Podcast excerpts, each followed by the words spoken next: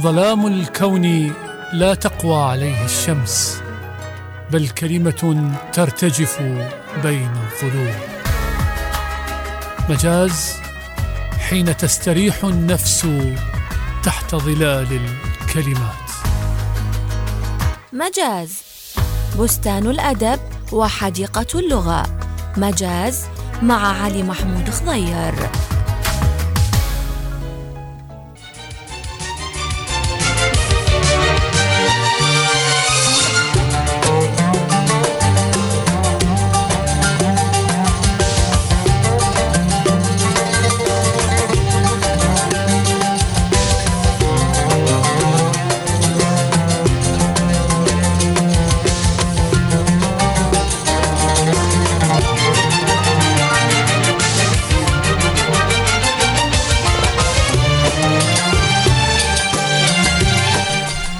أطيب تحية وأجمل سلام لكم أحبتي المستمعين الكرام في كل مكان في لقاء جديد من لقاءات مجاز من راديو تايمز سكوير.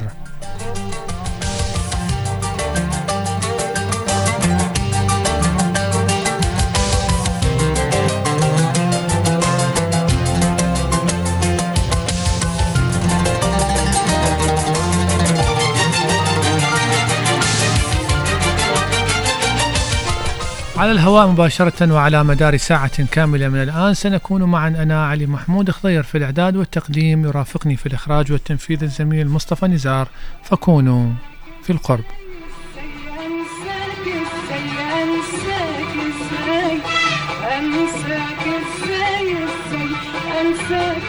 تسيبنيش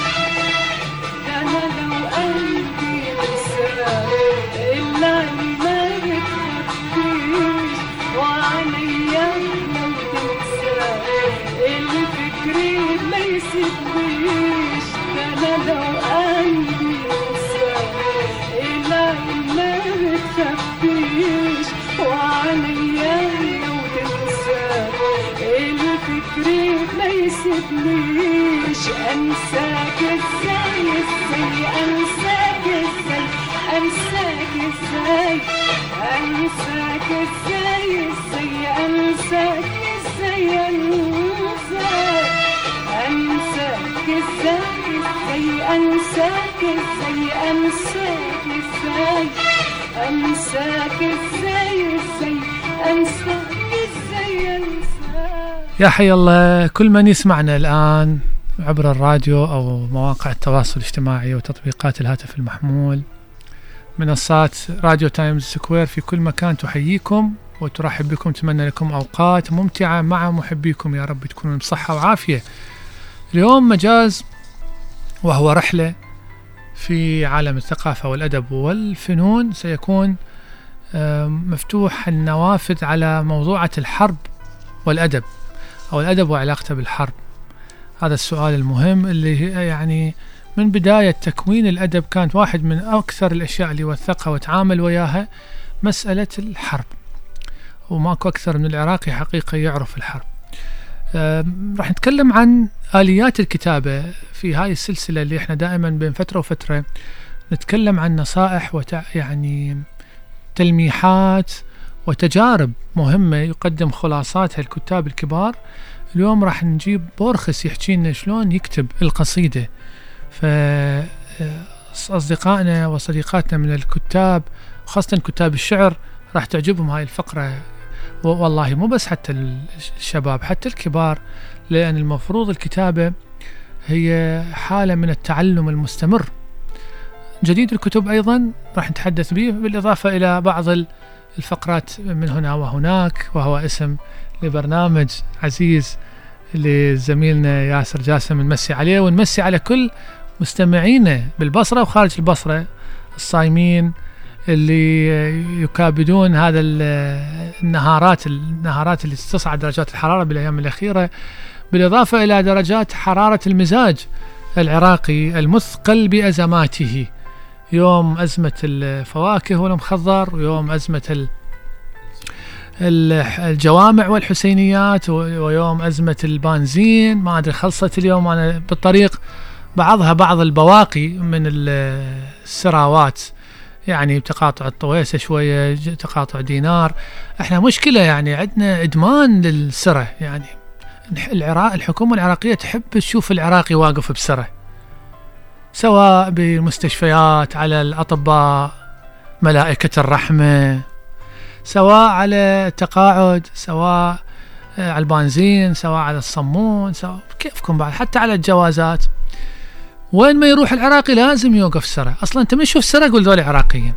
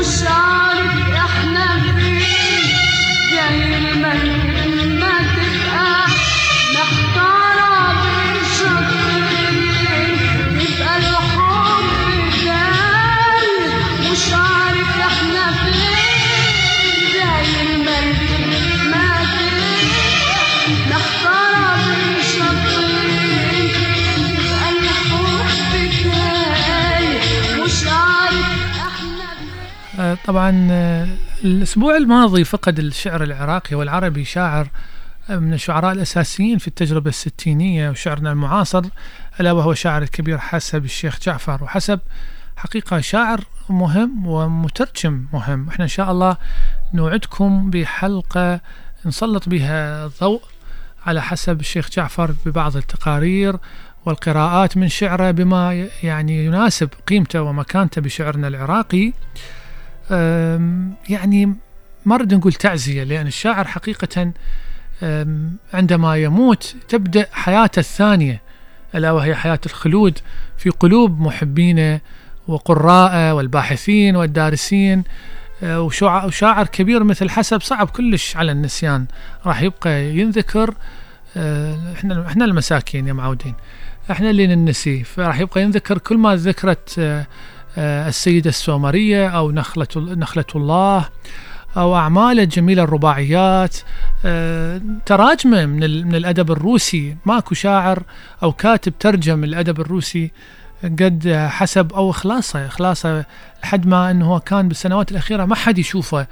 لا يطلع لمناسبات ثقافية ولا يحضر مهرجانات ولا يطلع في لقاءات تلفزيونية. آه، رهين البيت رهين المحبسين مثل ما يقول أبو العلاء. قاعد بالبيت يقرأ ويكتب ويخلص لكتابته. يعني فبالتالي ال- ال- الشاعر حقيقة ربما يكون غيابه غياب الجديد مالته هو هذا ال- الخسارة الوحيدة. لكنه بالعكس كله ربح وانتصار لقيمة الأدب في الحياة.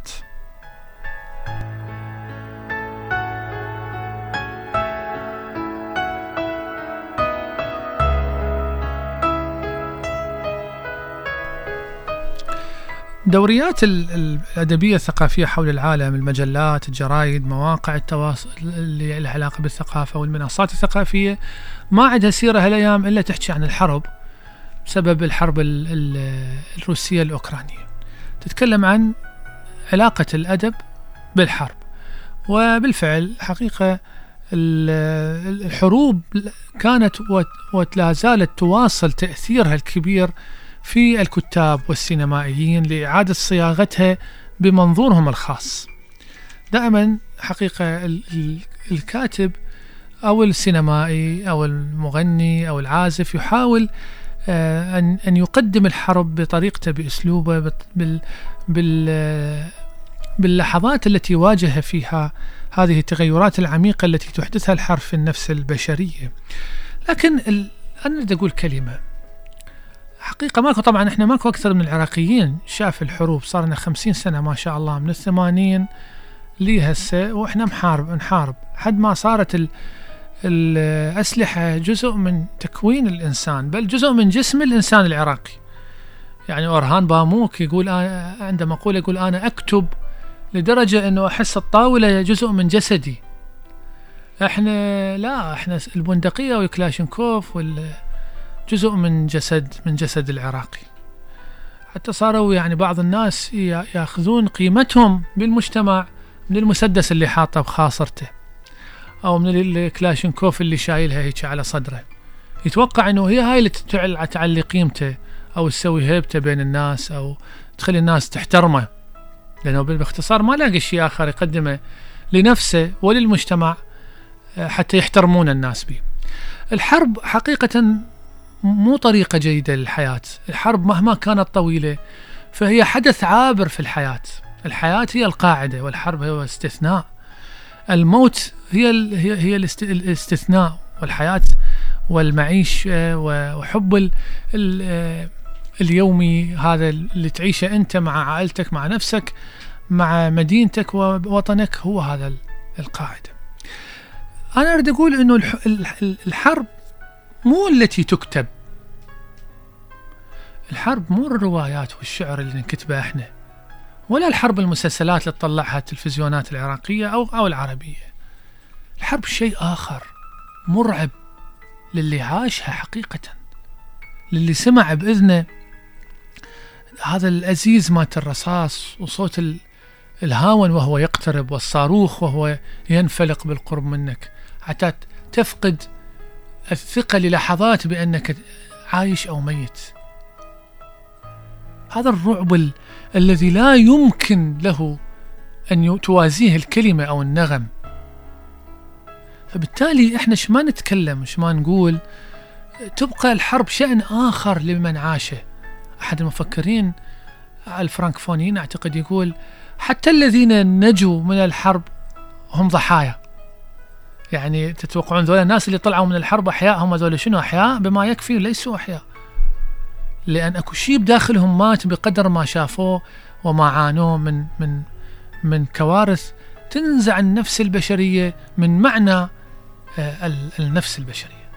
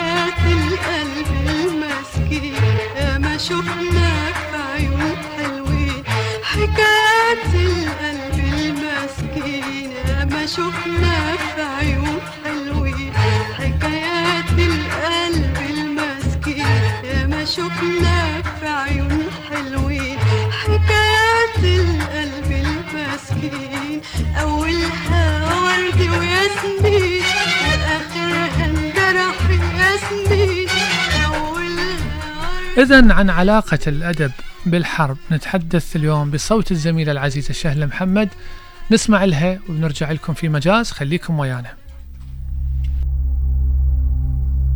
تواصل الحرب العالمية الأولى إلهام الكتاب في الغرب. الثانية أيضا فيما تجذب حروب أخرى كتابا وسينمائيين لإعادة صياغتها بمنظورهم الخاص. بالنسبة إلى لورانس كامبا الأستاذ المحاضر في الأدب الحديث في جامعة باريس الثانية عشرة فالدومارن. فإن الحرب تفعل ذلك لأنها تحمل تأثيرات خاصة ودوافع وأسئلة ومناخ فهي أكثر من مجرد بيئة تاريخية. يبحث عن طريقة مناسبة سريعة للتعبير عن فجيعته. يكتب أو يرسم أو يوثق بهاتفه. ما يحدث أمامه. بدون الغوص بعيدا في أسباب الحرب وما تحدثه من تغيرات عميقة في النفس البشرية. لقد سجل الأدب منصة سباق مرعبة مع الموت. عاشها أغلب كتاب الحربين العالميتين. ولعلنا لم نفهم جيدا ذلك السباق الغريب بين بطلين لا يتساويان في طبيعة التكوين وفي القدرات والإمكانات. فالكاتب غالبا ما يكون كائنا هشا سريع العطب والموت قدر. يوقع نهايته متى شاء. لقد بدت تلك الأعمال التي رأت الحرب ووصفتها من قلبها. ما لم يره آخرون كتبوا بعدهم بسنوات. حين خيمت الحرب العالمية بكل أثقالها ودرمت المشهد الأوروبي كله لتعيد صياغته بطريقة مختلفة. نحن القراء في الشق الآخر من العالم. لم نتأثر كثيرا بما كتب فتلك الحرب كانت حربهم. إلى أن انفجرت حربنا وظهر أدب الحروب بالحرف العربي والرؤية العربية المختلفة. قارئ رواية فرانكشتاين في بغداد سيعرف كم ساهمت الحرب في بناء نص أحمد السعداوي وكم عبثت بمخيلته. لا لتنهار دعاماته بل لتبقى سليمة وتتأقلم مع حجم الجريمة الحربية التي نسفت العراق.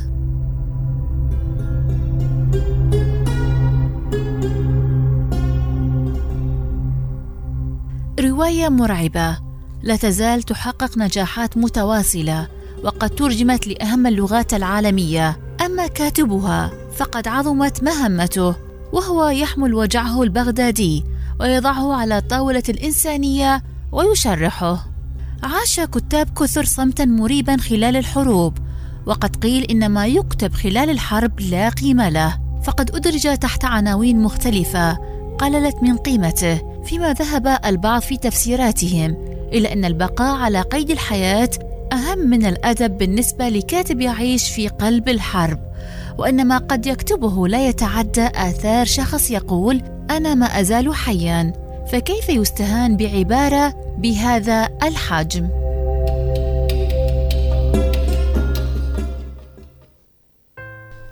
هذا كان صوت زميلة شهلة محمد في علاقة الأدب بالحرب. فاصل ونكمل قصتنا اليوم. بعترف لك إني بحبك ودي أول مرة بحب وأنا كنت فاكر قلبي الف مرة حب. أتاري يا حياتي كان كله كله كده أتاري يا حياتي. كان كله كله كده بعترف لك بعترف لك بعترف لك. آه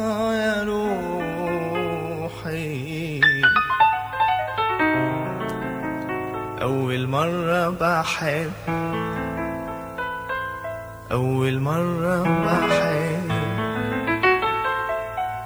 بعترف لك إني بحبك ودي أول مرة بحب. وأنا كنت فاكر قلبي ألف مرة حب. بعترف لك إني بحبك ودي أول مرة بحب. وأنا كنت فاكر قلبي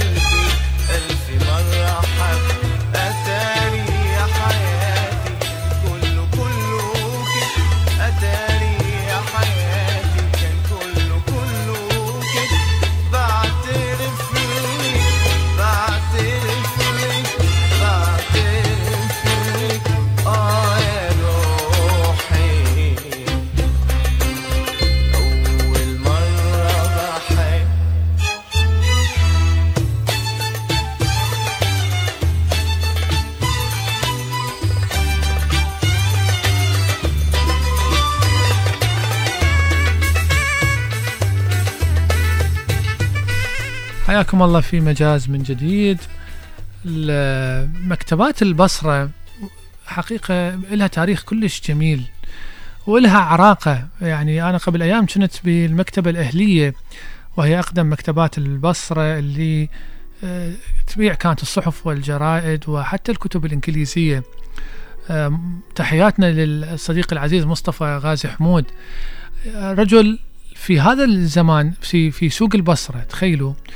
اللي هو السوق اللي مزدحم بال- بالبضائع وبالحركة ال- والسيارات والستوتات والتكاتك هسه النبض الجديد بحيث خطية هذا ضايع. تريد توصل بال يعني تحصل اللافتة المكتبة الأهلية تأسست عام 21 فما أنت تدخل للمكان هذا التراثي اللي بيه هذا عبق ال- البصرة الحلوة بصرة الستينات والسبعينات وتشم رائحة الكتب والأوراق ال- ال- العتيقة حتى تنفصل تماما وكأنه عازل أو كأنك داخل آلة الزمن بين الخارج ال- ال- ال- المضطرب الصاخب وبين الداخل الهادئ. كأنك عبرت فد 20 سنة لي ورا رأسا وتشوف مصطفى قاعد يصفط الكتب بدون كلل وملل وكأنه نحلة أو كأنه هذول الملائكة اللي يسهرون على نوم الأطفال في المهود كما أخبرتنا جداتنا.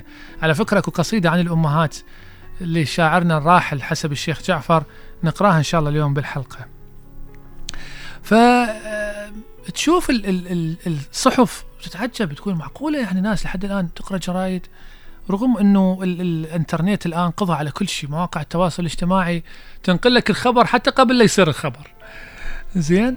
لا فبالتالي تكبر هذا المعنى وأنت تطلع من المكتبة الأهلية.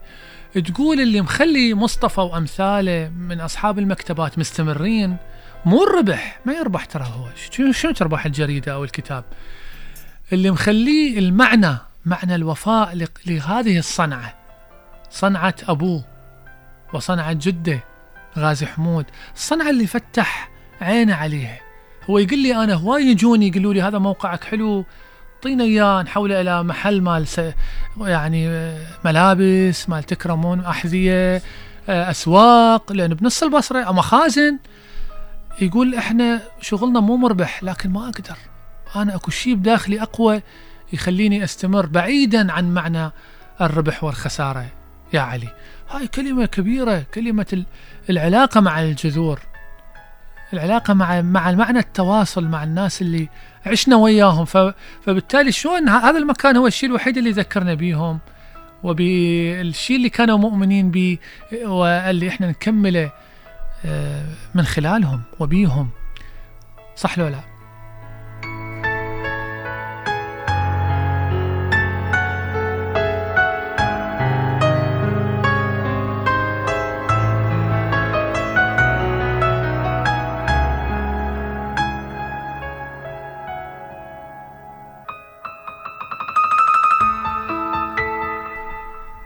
إذا على ذكر المكتبات خلينا نعرف شنو جديد ال- المك... الإصدارات والمكتبات العربية والعراقية في شريط الكتب.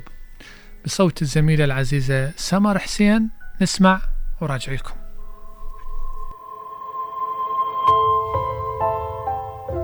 عن المركز القومي للترجمة صدرت حديثا النسخة العربية من كتاب هل يمكن للعلم أن ينهي الحروب؟ للباحث إيفرت كارل دولمان. بترجمة محمد حسونة يتناول المؤلف الطبيعة المتغيرة للتكنولوجيا وأثرها على الصراعات البشرية.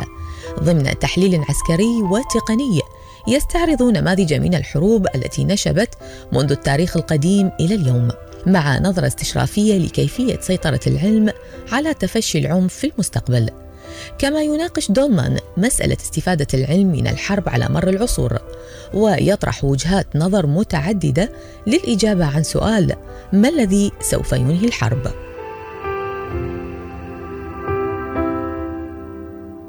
يصدر قريبا عن دار رومان أند ليتل فايلد الأمريكية كتاب زعزعة العالم إدوارد سعيد ونظرية السياسة لأستاذة النظرية السياسية في جامعة أكسفورد جين مورفيلد تعالج مورفيلد دور المفكر الفلسطيني وتموضعه كناقد ثقافي في حقل النظرية السياسية. وترى أن القوة التوليدية لفكر سعيد تمتد إلى ما هو أبعد من مسألة الاستشراق.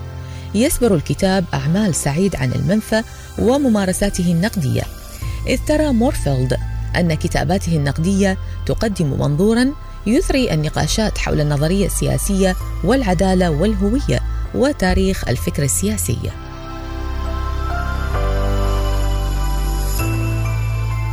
للباحث الفرنسي جان سباستيان كاربونيل صدر أخيرا لدى منشورات أمستردام في باريس كتاب مستقبل العمل بناء على بحث ميداني يفكك المؤلف واحدة من أكثر الأفكار شيوعا. ليس بين عموم الناس فحسب بل حتى عند عدد من الباحثين. تلك القائلة بنهاية العمل بسبب الدور المتزايد للتكنولوجيا أو تخلي المشغلين عن مبدأ التوظيف الدائم. يرى كاربونيل أن التغير القائم يمس طبيعة العمل لا جوهره. وأن البروليتارية ما تزال ذات دور كبير في المجتمعات المعاصرة لكنها تحولت من بروليتاريا المعامل إلى بروليتاريا الرقمية. نضال أفريقيا من أجل فنها. تاريخ هزيمة ما بعد الاستعمار.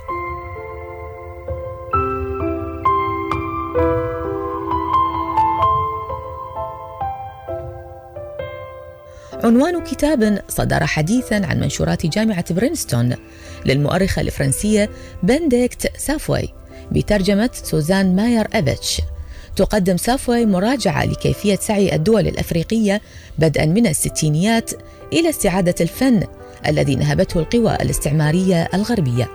موضحة أن الدعوات إلى استردادها برزت مبكرا لكن تم التعتيم عليها في بلدانها وفي أوروبا والولايات المتحدة. وتشير المؤلفة إلى النحو الذي قامت من خلاله المتاحف في ألمانيا وفرنسا وبلجيكا وغيرها بإخفاء الحقائق لعدة عقود.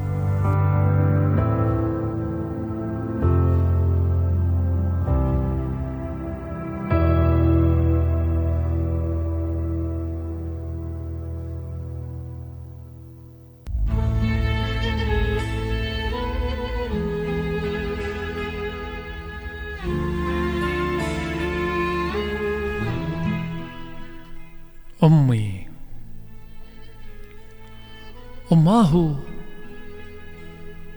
أماه كنت تصححين بلا توان ما كنت أكتب من فصول.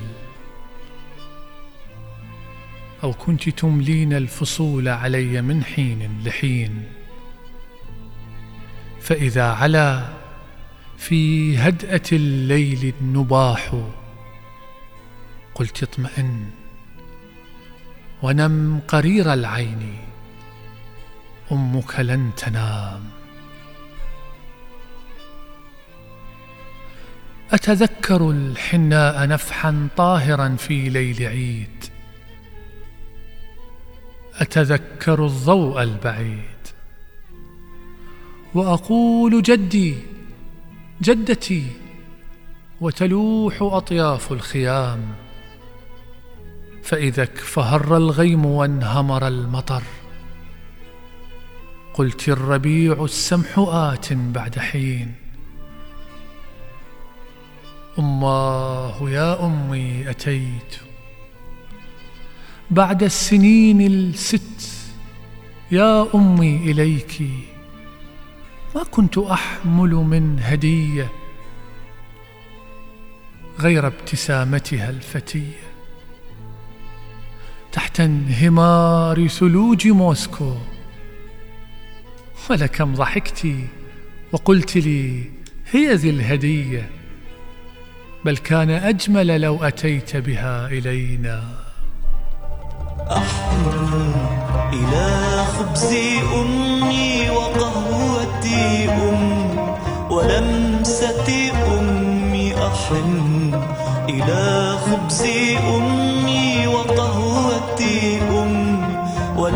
ولمسة أمي وتكبر في الطفولة. يوما على صدري يومي وتكبر في الطفولة. يوما على صدري يومي وأعشق عمري لأني إذا أخجل من دمعي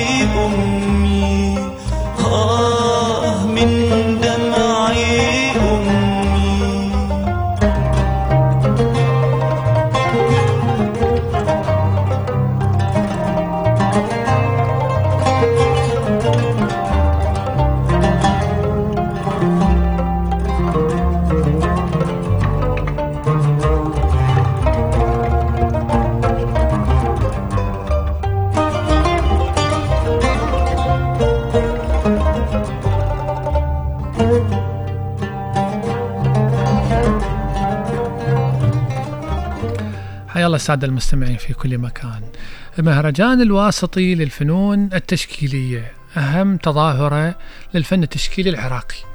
شلون مهرجان المربد؟ عندنا بالنسبة للشعر نفس الشيء هذا هو تجمع سنوي وحقيقة يقوم بالمشاركة به أو استعراض أهم ما آه، أنتجه فنانين خلال السنة الماضية أو ربما يعرضون من يعني شغلهم لسنوات سابقة.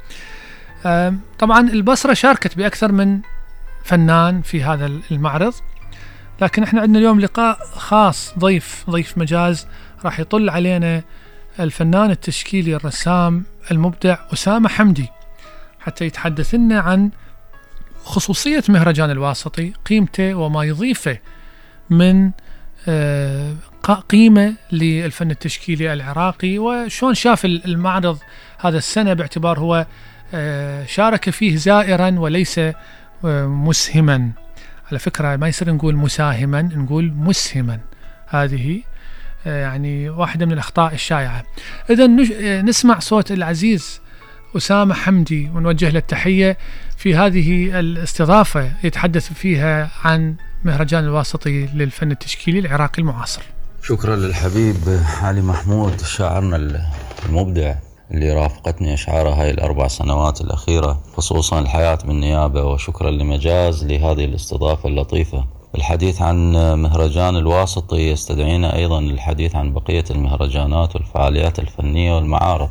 عموما المنتج العراقي المنتج الفني خصوصا التشكيل منه على وجه الأخص منتج أصيل ومهم. تجارب لدينا على المستوى العالمي والمحلي مهمة جدا تمتاز برسوخ التجربة وامتداد تأثيرها الزماني والنفسي والمجتمعي أيضا. لكن بالحقيقة غياب دور المؤسسة المؤسسة الدولة خصوصا دائرة الثقافة والفنون آه، وزارة الثقافة والإعلام وانحسار تأثيرها بتصدير هذا المنتج بما يليق به خصوصا بالسنوات المتأخرة.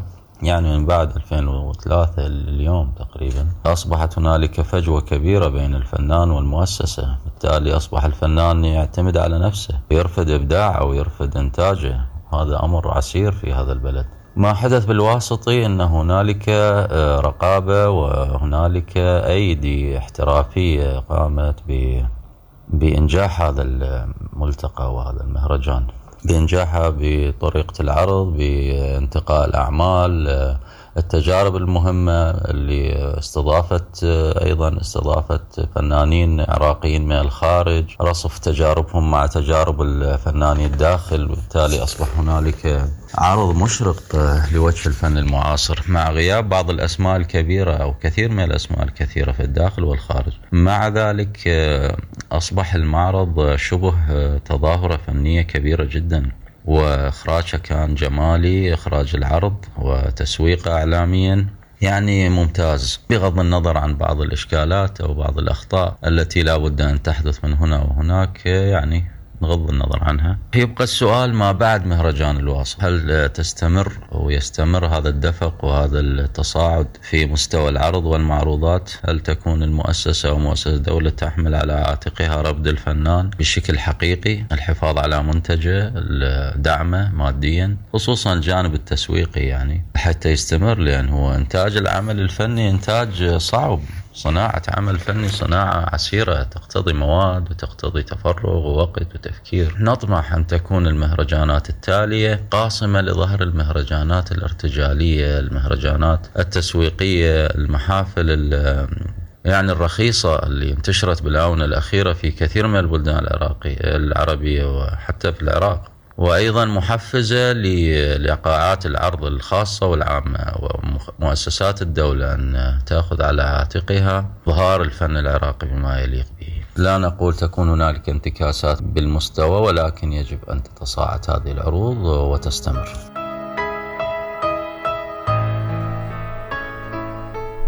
شكرا للعزيز الفنان المبدع أسامة حمدي ونبارك له حقيقة قرب افتتاحه جاليري الخاص به جاليري حمدي. والحقيقة إحنا إن شاء الله هم إذا يعني تم الافتتاح نحاول نغطيه لأن هذا أول جاليري للفنون التشكيلية راح يكون في شمال البصرة في الهوير تحديدا تخيلوا. عن أهلي وعن زماني يا عيوني يا مغرباني. عن أهلي وعن زماني يا واخداني ومسافرة ما بين كل المواني.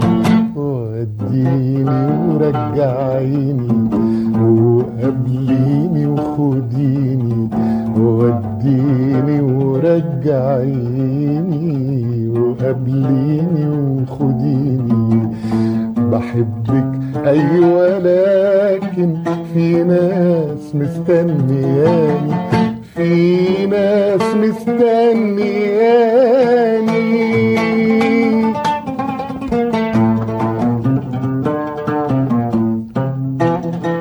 لو كنا بنختار في حياتنا يا حبيبي ما اختارش سواك. لو كنا بنخلق جنتنا يا حبيبي اخلقها معاك. لو كنا بنختار في حياتنا حبيبي ما اختارش سواك.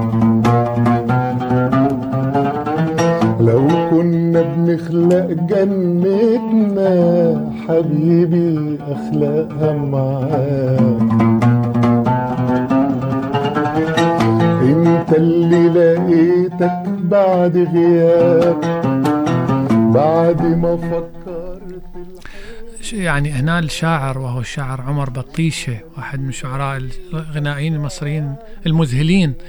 لو كنا بنخلق جنتنا لو آه، الجنة تخلق. يعني ممكن أن يكون الإنسان يجد فردوس الأرضي يصنعه هو بنفسه مع من يحب.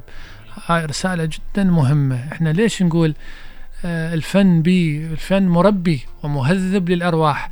بس أنت جيب الأذن اللي ممكن أنه تلتقط وتبروز. آه مو؟ طيب خلينا نشوف بورخس شلون يكتب. بورخس يكتب الشعر والقصة والمقالة. فسألوه مرة قالوا له ها هذه إيمان. نشوف من هذه الأغنية اللي كنا نسمعها يا عيوني يا مغرباني لما أداها الملحن سمعناه؟ زي من تسمعها بصوت المطربة إيمان الطوخي. يا عيون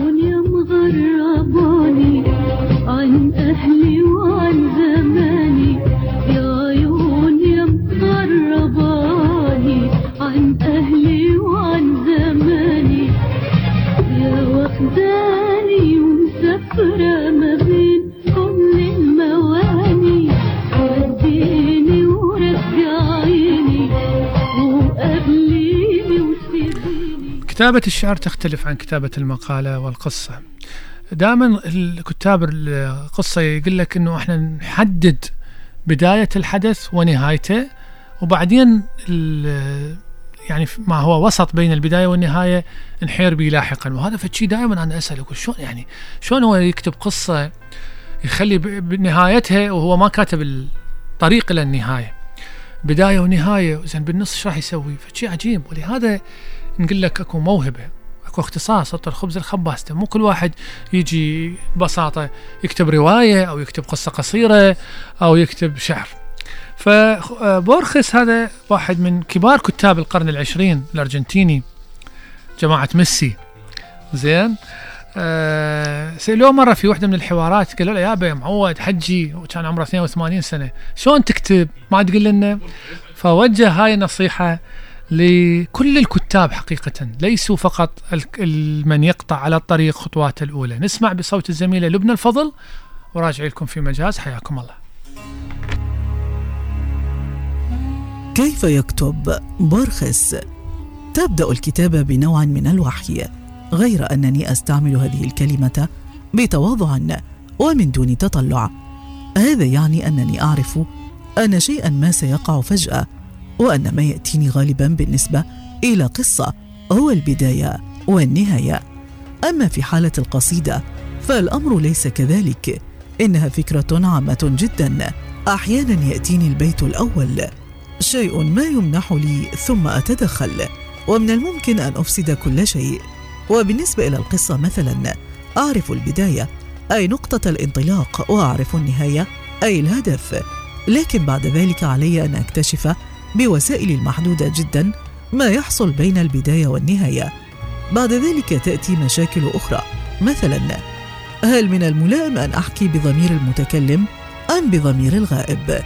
بعد ذلك ينبغي أن أبحث عن الفترة بالنسبة إلي وهذه ثورة شخصية فالفترة التي تلائمني أكثر هي العشر سنوات الأخيرة للقرن التاسع عشر. أختار إذا تعلق الأمر بإحدى حكايات البورتينو وأماكن قريبة من مدن كابال رومو وباراكاس أو توراديرا.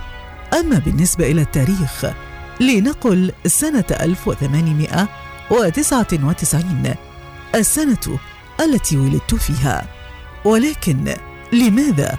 من الذي يستطيع أن يعرف كيف كان يتكلم في هذه الفترة سكان هذه الأحياء؟ لا أحد. أريد أن أشتغل وأنا مرتاح فعلى العكس إذا اختار كاتب موضوعه معاصرة فالقارئ يتحول إلى مفتش ويقرر. ان الأمر ليس كذلك. اذ في مثل هذا الحي لا نتكلم بهذه الطريقة. الناس الذين ينتمون إلى طبقة ما لا يستعملون مثل هذا التعبير. أما أنا فالعكس. عندما أختار فترة بعيدة شيئا ما ومكانا بعيدا شيئا ما أحافظ على حريتي. أستطيع أن أتخيل أو حتى أن أزيف. يمكنني أن أكذب دون أن يعلم أحد من دون أن أعلم حتى أنا بما أنه من الضروري لكاتب الحكاية حتى لو كانت فانتازيا. أن يعتقد في الوقت نفسه في حقيقتها. في كتاب بورخس صانع المتاهات والذي قدمه وترجمه الأستاذ محمد العميم ينقل فيه حوارا أجراه مع ماريا كوداما زوجة بورخس سألها فيه عن عملية الكتابة عنده فأجابت أما فيما يتعلق بالكتابة فإنه دائما ينتظر أن تجود عليه الآلهة بالإلهام فلا يعتريه القلق. إن تأخرت عليه الكتابة فهو لا يضخم المسألة. إذ كل شيء بسيط. إن أتت الكتابة يكتب. إن لم تأتي لا يقلق.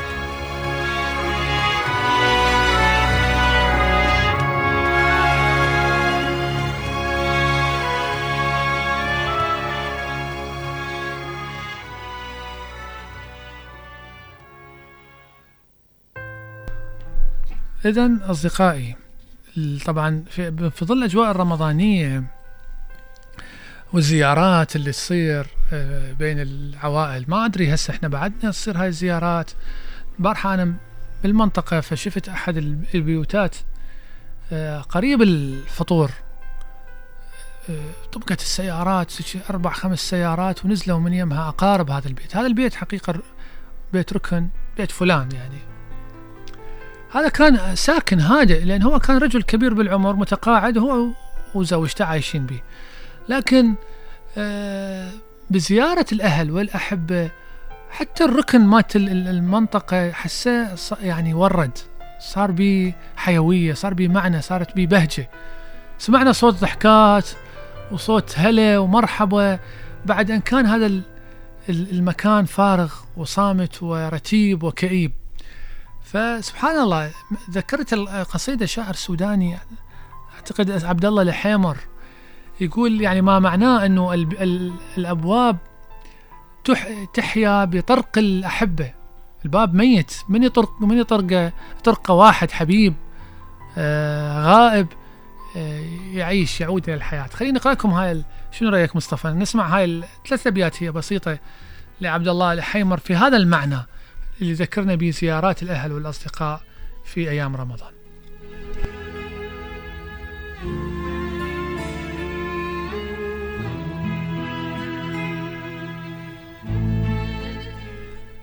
تتعافى الأبواب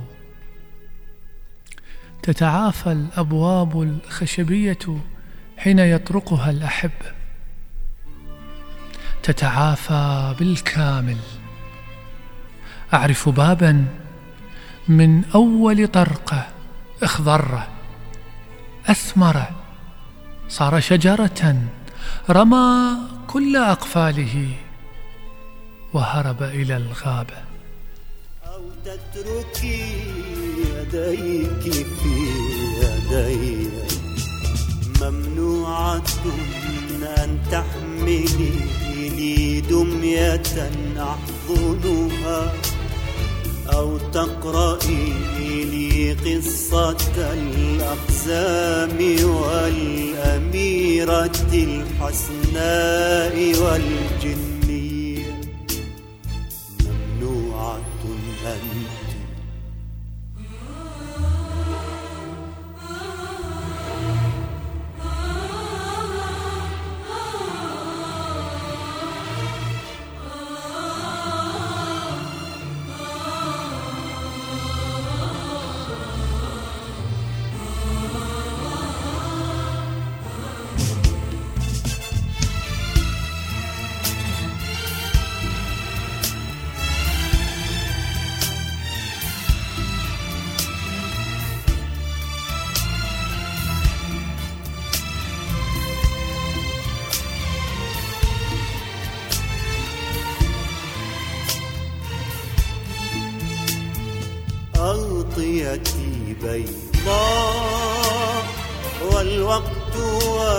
The.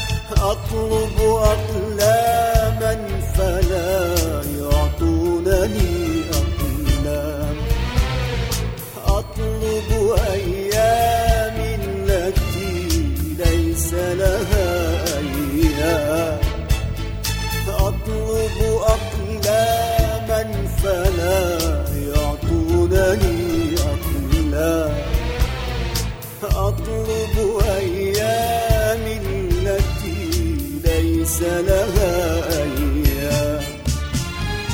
أسألهم برشامة تدخلني في عالم الأحلام. حتى حبوب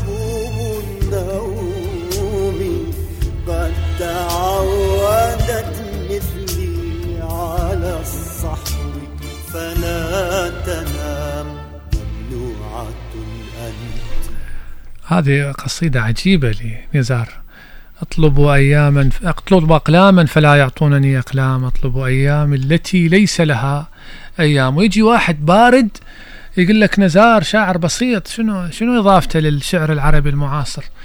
عجيبة حقيقة. يعني هاي المجانية والبساطة آه، والجراءة في هذه الإطلاق الأحكام. إذا هكذا مع هذه الكلمات الجميلة لنزار نصل إلى نهاية حلقتنا هذا اليوم في مجاز أتمنى أن تكون حلقة ممتعة ومفيدة وقدمت شيء في هذا الوقت لكم أحبتي المستمعين في كل مكان. تقبلوا في النهاية تحياتي. أخوكم علي محمود خضير إعدادا وتقديما. وأطيب وأجمل وأرق تحية من مصطفى نزار مخرجا ومنفذا حتى نلتقي أطيب الأوقات مع باقي برامج الإذاعة. كونوا في رعاية الله وحفظه.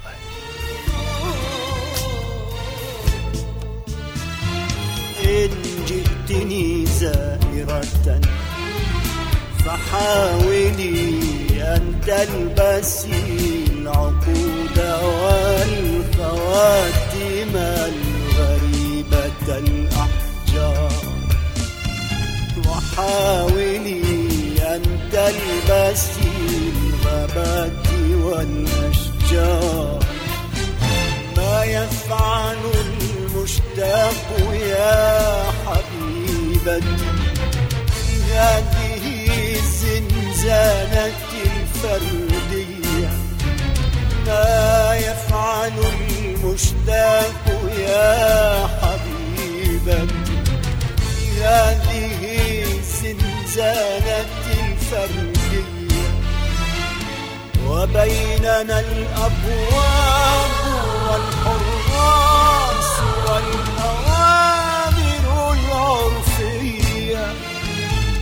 بيننا الأبواب والحراس والأوامر العرفية ما يفعله المشتاق للحب وللعزف على الأنام العاجية. والقلب لا يزال في إقامة الجبر. آه، القلب لا يزال في إقامة الجبر. آه.